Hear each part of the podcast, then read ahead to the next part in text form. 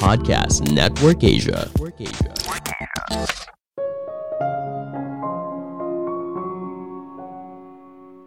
Halo semuanya, nama saya Michael. Selamat datang di podcast saya, Sikutu Buku. Kali ini saya akan bahas kejatuhan kerajaan kripto FTX dan mungkin saja potensi hukum yang akan menyertainya.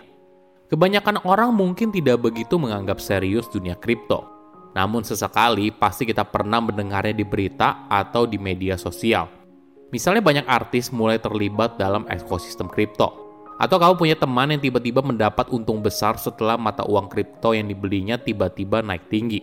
Namun ada satu orang yang mengubah segalanya.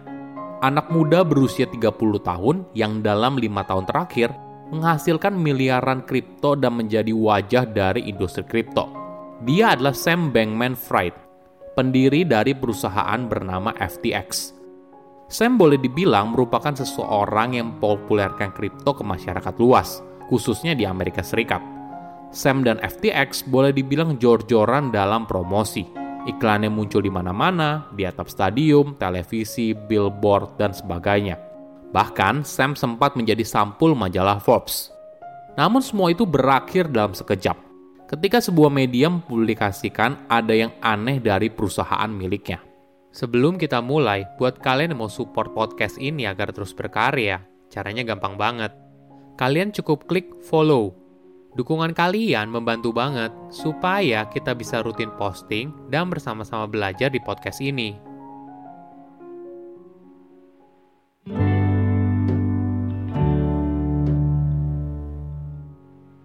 Apakah kamu penasaran berapa lama waktu yang dibutuhkan untuk kehilangan 210 triliun rupiah?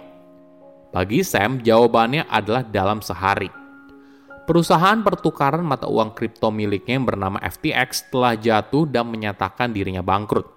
Mungkin kita bisa mulai ceritanya di awal, pada tahun 2017. Saat itu, mata uang kripto tentunya bukan barang baru, tapi boleh dibilang masih di fase awal dan tidak efisien. Nah, ini menjadi celah bagi Sam untuk meraup keuntungan. Dia melihat harga kripto yang jomplang di wilayah yang berbeda – Spesifiknya, harga Bitcoin jauh lebih tinggi di Jepang daripada di Amerika Serikat. Perbedaan harga inilah yang membuat Sam kaya raya di awal karirnya. Tapi untuk berhasil, Sam membutuhkan beberapa hal, dimulai dengan sebuah perusahaan. Uniknya, nama perusahaan menjadi sebuah hal yang serius. Bukan karena soal visi misi, tapi lebih untuk menghindari pengawasan dari pegawai bank. Kenapa? Misalnya kamu memberi nama perusahaan yang ada hubungannya dengan mata uang kripto, bitcoin, dan transaksi internasional. Tentunya hal ini membuat dia sangat sulit untuk mendapatkan akun bank. Itulah yang akhirnya membuat Sam menamakan perusahaannya sebagai Alameda Research. Selanjutnya, Sam harus mencari cara untuk mendapatkan yen Jepang, mengkonversinya ke mata uang USD, lalu keluar dari Jepang. Nah, dia harus mencari seorang warga negara Jepang yang juga merupakan warga negara Amerika Serikat untuk membuka akun bank di Jepang. Lalu orang itu harus mengantri di bank Jepang untuk mengirimkan uang ke Amerika Serikat. Tidak berhenti sampai di sana, Sam bercerita kalau dirinya harus melewati berbagai puluhan rintangan lainnya sebelum berhasil. Namun kerumitan itu membuat Sam kaya raya. Sebagai gambaran, dia berhasil meraup 10% per hari dari 1.400 triliun rupiah atas transaksi Bitcoin. Namun tentunya hal ini tidak bisa berlangsung selamanya. Lambat laun, orang lain juga menyadari celah ini dan lalu ditutup. Sam boleh dibilang berbeda dibandingkan konglomerat lainnya. Biasanya kita melihat banyak konglomerat menghabiskan uangnya untuk membeli yacht atau rumah mewah yang megah. Tapi dari awal, Sam punya tujuan yang lebih tinggi – dia terinspirasi bukan untuk menjadikan dirinya kaya raya, tapi untuk kebaikan dunia. Sebagai gambaran, Sam dikenal sebagai konglomerat yang dermawan. Dia menyumbang untuk organisasi perlindungan hewan, lembaga persiapan pandemi masa depan, dan riset kecerdasan buatan. Bukan hanya itu, Sam juga merupakan penyumbang besar untuk kandidat dari Partai Demokrat di Amerika Serikat. Bahkan di satu kesempatan, Sam siap menyerahkan 99% dari total kekayaannya. Semua ini demi sebuah gerakan yang dikenal sebagai efektif altruism. Gerakan ini mendorong seorang agar tidak hanya menyumbang untuk kegiatan yang kamu pedulikan, tapi menyumbang dalam cara yang paling efektif, Artinya memilih kegiatan yang bermanfaat bagi orang lain sebanyak mungkin.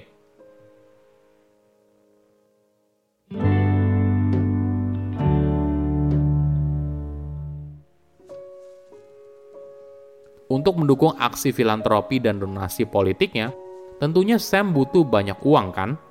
Jadi, pada tahun 2019, dia mendirikan sebuah perusahaan pertukaran mata uang kripto bernama FTX.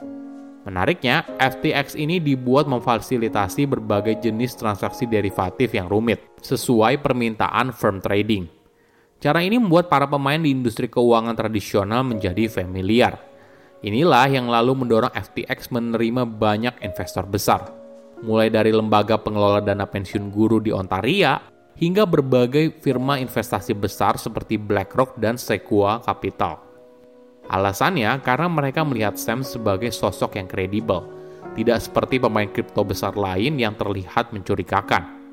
Seketika dia ada di mana-mana, Bahkan Sam sempat memberikan testimoni di depan Kongres Amerika Serikat tentang regulasi apa yang cocok bagi industri kripto. Sam juga dikenal sebagai penyelamat industri kripto. Bagaimana tidak, pada awal tahun 2022, data ekonomi mulai terlihat rapuh dan Bank Sentral Amerika Serikat terus menaikkan suku bunga. Alhasil, banyak harga cryptocurrency mulai jatuh dan perusahaan yang bergerak di bidang kripto berguguran. Dalam kondisi yang sulit, Sam hadir, entah membeli perusahaan tersebut atau menawarkan pinjaman sehingga perusahaan itu bisa selamat dari kebangkrutan. Itu yang membuat Sam dilihat sebagai kesatria berkuda putih bagi industri kripto. Namun pada pertengahan tahun 2022, wartawan dari Coindesk mencium ada yang aneh dari perusahaan milik Sam bernama Alameda Research. Di laporan keuangannya, ada tiga huruf yang menonjol, yaitu FTT. Sebagai informasi, FTT adalah mata uang kripto yang dikeluarkan oleh perusahaan perdagangan mata uang kripto milik Sam yaitu FTX. Ibaratnya, FTT adalah uang monopoli yang orang lain percaya dan gunakan. Anehnya, mayoritas ekuitas bersih Alameda Research yang bernilai puluhan triliun rupiah berupa FTT. Ini merupakan uang yang sama yang digunakan Sam untuk mendanai FTX. Jadi ketika berita ini muncul, seketika nilai FTT turun bebas. Beberapa hari berikutnya, CEO dari Binance, sebuah perusahaan perdagangan mata uang kripto yang lebih besar, mengumumkan kalau dia akan menjual seluruh FTT yang dimilikinya. Hal ini membuat Sam kesulitan untuk memenuhi permintaan penarikan dana oleh konsumen secara serentak. Hingga akhirnya perusahaannya pun mengajukan pilot. Inilah akhir dari kerajaan kripto yang dibangun oleh Sam. Cerita ini tentu saja menimbulkan banyak pertanyaan. Apakah ini karena dorongan efektif altruism untuk bisa membuat perubahan tentunya membutuhkan dana yang besar kan? Nah, hal ini mungkin saja mendorong Sam untuk mengambil resiko besar demi bisa untung besar. Atau yang kedua, mungkin saja Sam adalah penipu yang punya citra diri yang bagus. Tentunya dengan adanya investigasi hukum ini kita akan melihat bagaimana yang terjadi sebenarnya. Gimana menurut kamu?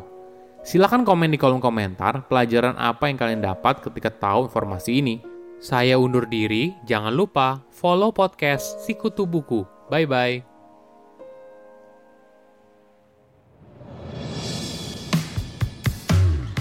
Halo semua, gimana podcast tadi? Semoga bisa menghibur hari kalian ya. Gue Adi Sastro, mau ngajak kalian buat mampir ke podcast gue. Podcast Keramas, kehidupan realita mas-mas. Di sana kita akan ngobrolin banyak banget hal yang berhubungan tentang realita kehidupan. Kira-kira kayak gimana tuh? Haha, daripada penasaran, mending langsung aja dengerin podcast Keramas sekarang juga.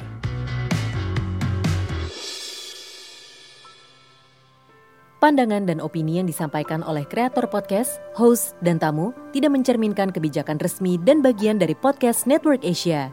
Setiap konten yang disampaikan mereka di dalam podcast adalah opini mereka sendiri dan tidak bermaksud untuk merugikan agama, grup etnik, perkumpulan, organisasi, perusahaan, perorangan, atau siapa pun dan apa pun.